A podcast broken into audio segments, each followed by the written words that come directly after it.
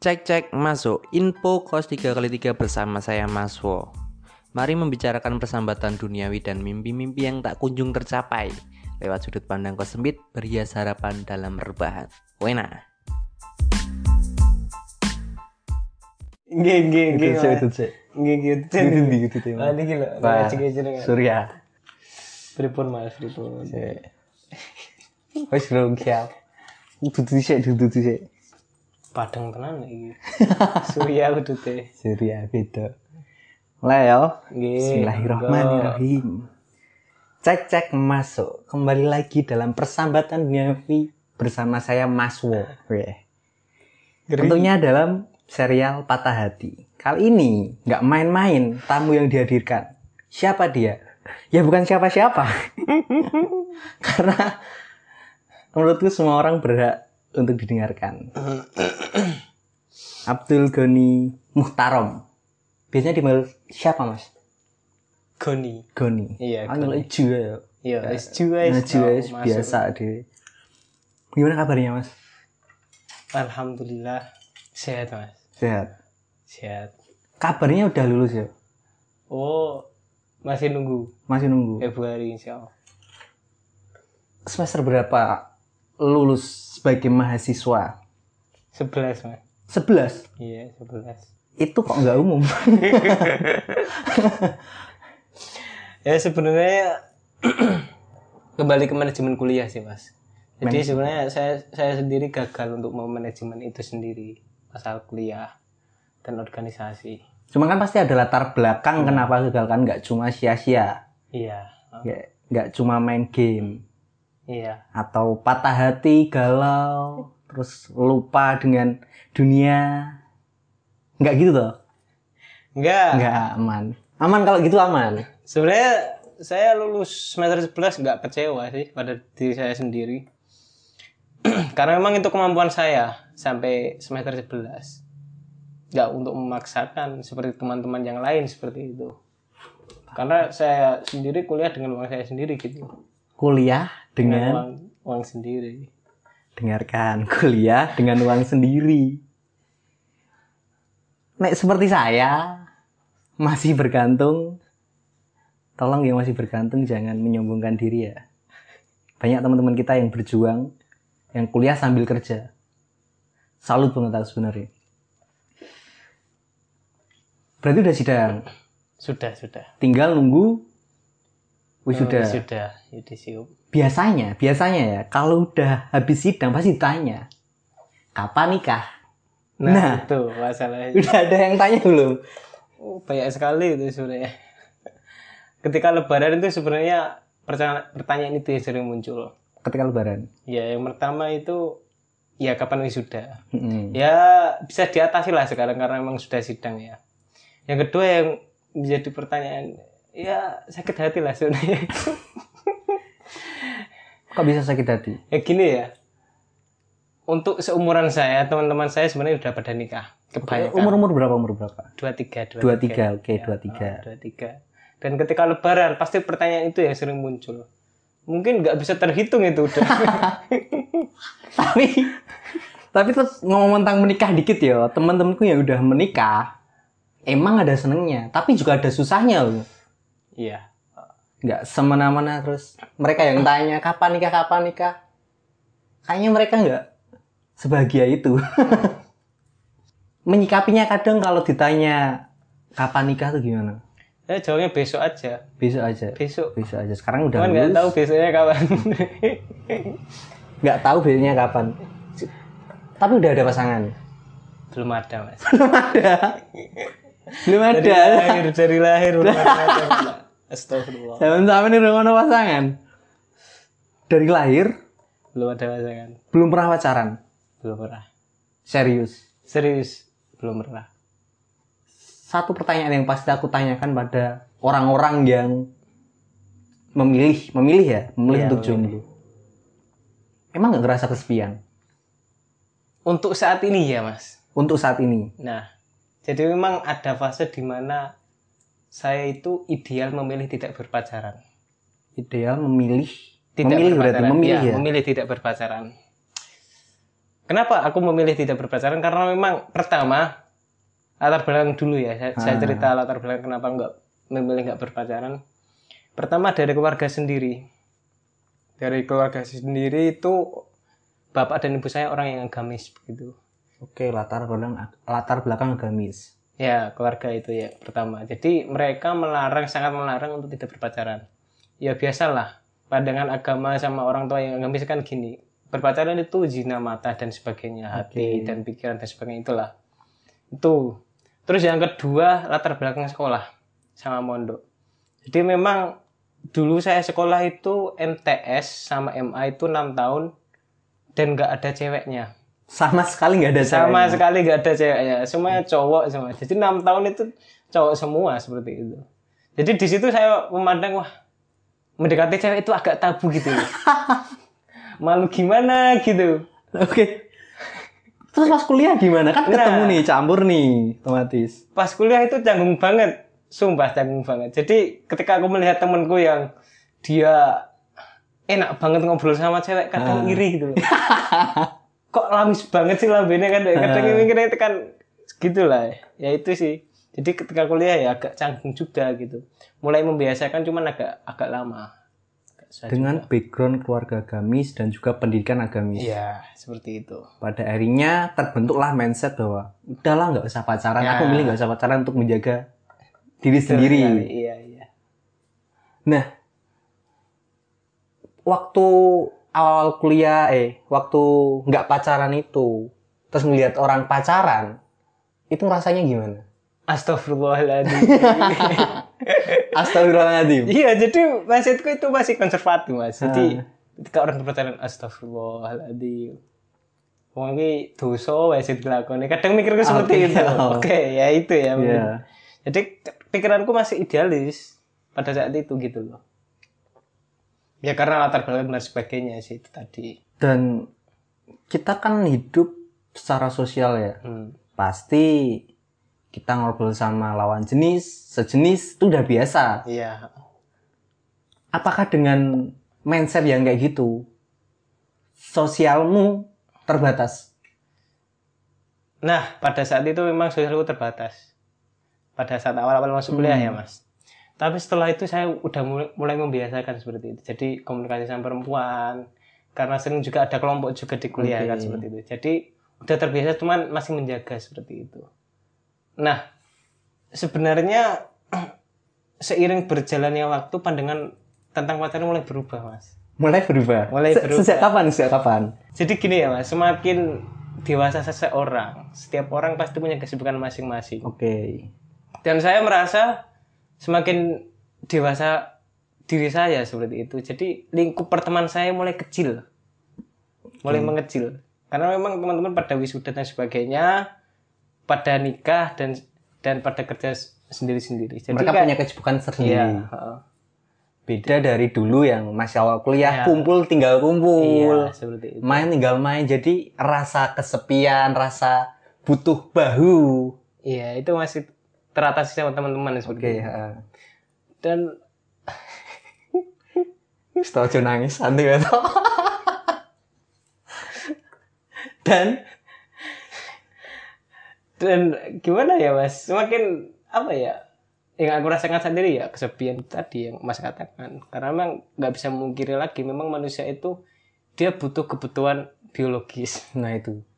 Kalau di psikologi ada yang namanya diagram Abraham Maslow. Itu ada empat ada empat tingkatan kebutuhan manusia. Iya. Yang pertama paling bawah itu seks, makan, kebutuhan dasar lah, minum dan sebagainya.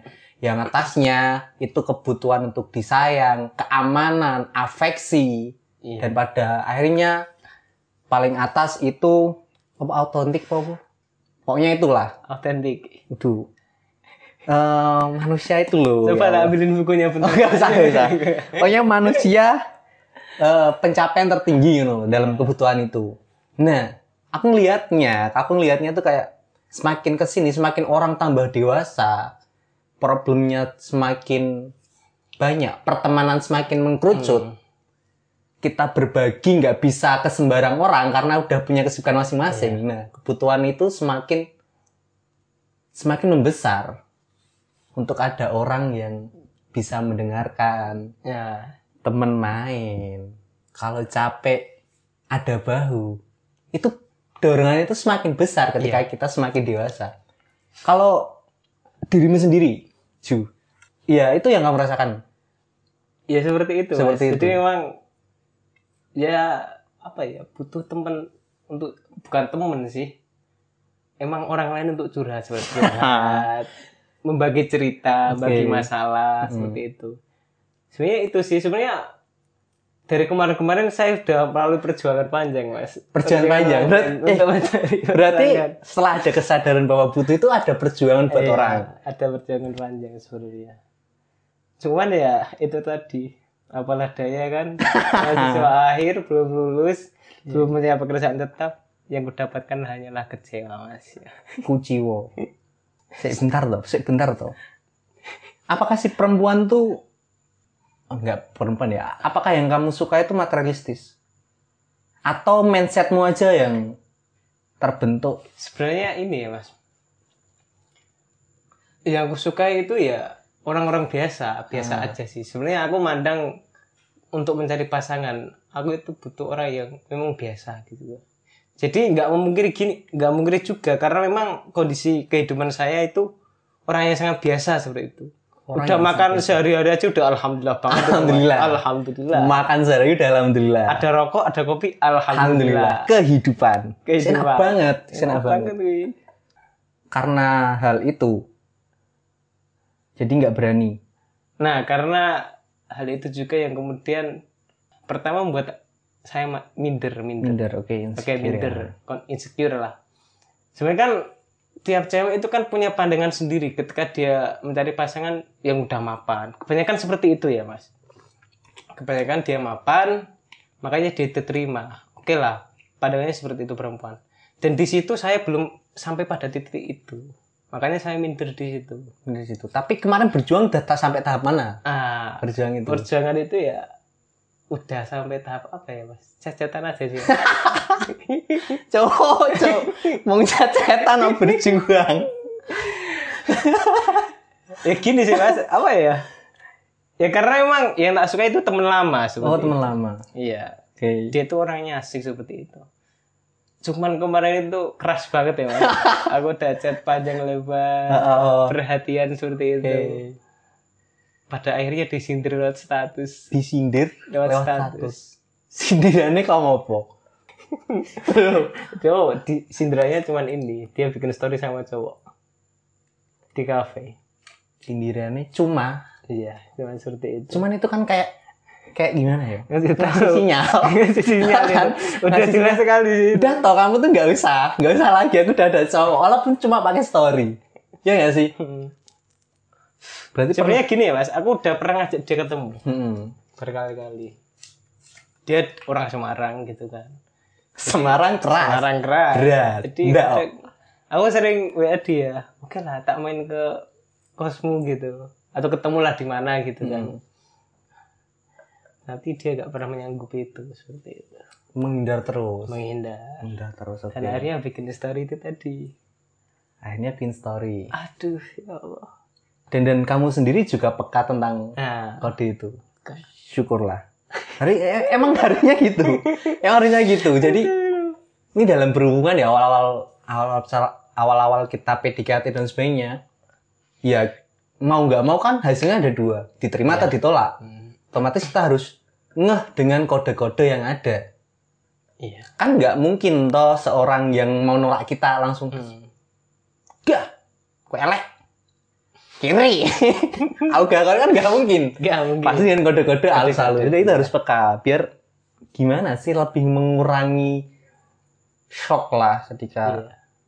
ternyata kita ditolak. Selama berarti sekarang 23, 23 tahun jomblo iya. Sok bahasa Indonesia eh bahasa Jawa itu diejek nggak? Diejek nggak? Sering diejek nggak? Ah kowe iki jomblo. Sering mas rapayu. Sering. Sering. Sering. Gimana dengan oceh-ocehan orang yang kayak gitu? Sebenarnya biasa aja sih mas. Biasa aja. Biasa aja karena memang gimana ya udah ada perjuangan. Dan karena kecewa itu tadi saya udah menerima kecewa itu tadi. Hmm. dan karena sudah biasa diejek ya udah biarin. Kenyataannya nggak seperti itu. Ya Lah, kok ngejatuh? Nggak tahu, Nek. Eh, emang kenyataannya ngene kok. Lebih meneh. Apa saat dibelo? nggak ada yang bisa ada. iya terima aja sih terima seperti aja. itu. Cuman ada teman deket nggak? Buat berbagi lawan jenis. ada mas Ada. ada dua orang sih Karena eh, dosenku tuh pernah bilang gini, anaknya, anaknya tuh nggak boleh pacaran.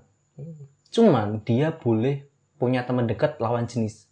Tujuannya apa? Tujuannya buat berbagi kayak gitu karena beliau sadar bahwa semakin besar kebutuhan afeksi, terus kebutuhan kasih sayang lawan jenis tuh ada. Cuman nggak boleh kalau pacaran. Temen deket aja boleh. Iya. Silahkan cerita, saling curhat dan sebagainya. Nggak harus pacaran. tapi sering jalan bareng Mungkin. kan nggak tahu ya sama orang tuanya ngomongnya aku temen deket mah. Aslinya gandengan. Kalau di motor, kalau di motor tahu nggak sih yang boncengan kayak tas? iya iya Nggak iya. bisa lepas gini ya. Ya Allah. Aku loh di lampu merah kadang motoran sendiri ya Allah. ya Allah Kayak tas nggak bisa lepas. kadang aku kalau jalan motor sendiri mikir gitu mas ya Allah enak banget ya kayak Nah. gitu Iya, orang Sinawa nggak sih sebenarnya? Eh, iya Karena sih. yang pacaran juga belum tentu bahagia, banyak juga yang toksik gitu loh. nah seperti itu mas sebenarnya banyak teman saya yang seperti itu mas Mm-mm. pacaran yang toksik seperti itu ya dia udah udah tunangan Dan- tapi masih pacaran lagi sama dua orang Hmm. gila lagi itu kadang apa ya aku merasa dia itu kurang bersyukur mas sebenarnya di situ Iya, aku kalau ngomong itu itu sih manusia nggak bisa ditolong. Udah nggak bisa ditolong kayak gitu. Udah, udah meradikal, udah udah tunangan itu. Tapi tetap mencari mencari orang lain untuk kesenangan untuk kesenangan, saja kesenangan. Gimana Pak Pak pandanganmu kalau semisal ada orang yang sebagai kacamata jomblo ya yang menjaga tadi melihat orang yang berpacaran hanya untuk kesenangannya aja. Dia kayak nggak mikir pasangannya. Kalau semisal dia yang diselingkuin, gimana rasanya? sebenarnya apa ya mas yang pertama memang dia kurang bersyukur mas Oke. yang kedua jiwa egonya masih tinggi Egonya masih tinggi. jadi dia itu tidak mempertimbangkan bahwa yang dia sakit itu anak orang lain gitu loh Oke. Itu sebenarnya aku kasihan sih sebenarnya maksudnya anak orang lain loh dibikin sakit hati kayak gitu pada akhirnya nggak ditinggal mas ya kasihan aja sih sama anak apa namanya pasangan itu Iya, tadi iya sih. kasihan banget sumpah Gila. Kayak ibaratnya gini kayak kamu ketemu sama entah laki-laki atau perempuan yang kamu Iya. itu ya kamu ketemu usianya udah mungkin mungkin 19 tahun, 20 tahun dan sebagainya. iya heeh. Kamu tuh nggak ikut membesarkan dia. Nggak tahu susahnya Iya. orang tuanya Kasih gimana. makan gimana ngapain makan dia Tiba-tiba kamu datang kayak gitu kan ya walaupun aku bukan orang baik cuman Iya. kan ya mbok mikir. iya Ya mbok Nah, mikir. Nek ngene iki yo mending jomblo. sing sing sing penting sik lara aku tok. Penting aku ora nglarani wong. Nah, kuwi Mas. Prinsip udah tuh saiki yo, sak mlakune Mas. Sak mlakune. Sak ketemune. Ya, lan-lan sing penting lakon. Berarti nggak ada pengalaman berpacaran. Enggak ada Mas, sama sekali enggak ada. Tak. Mungkin apa ya? Pernah deket Pernah satu deket. dua sama cewek lah biasalah. Cuman deketnya itu pada saat kondisiku yang dulu masih idealis. Oh, paham. Jadi dideketin sama cewek seperti itu.